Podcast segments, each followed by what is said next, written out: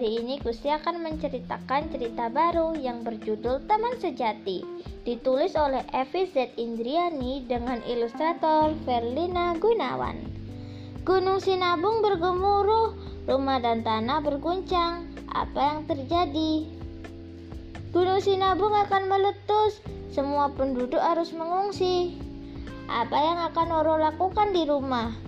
Oh, dia mau mengambil bola Monang. Aduh, Oro terlambat. Monang sudah pergi. Oro mencari Monang ke mana-mana.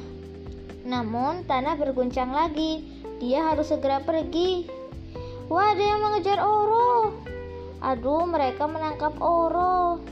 Ke mana mereka akan membawa Oro? Oro tidak mau di sini. Dia harus mencari Monang. Wah, tempat apa ini? Di manakah Monang? Banyak ibu-ibu memasak di tenda dapur umum. Di manakah Monang? Dokter dan perawat mengobati pengungsi di tenda medis. Di manakah Monang? Banyak anak belajar di tenda sekolah. Di manakah Monang? Monang juga tidak ada di tenda pengungsi. Wah, Oro mengenal suara itu. Oro harus mencari sumber suara itu. Oro benar itu suara seruling Monang. Akhirnya Oro bisa bertemu kembali dengan teman-teman sejatinya. Terima kasih sudah mendengarkan. Saksikan cerita berikutnya.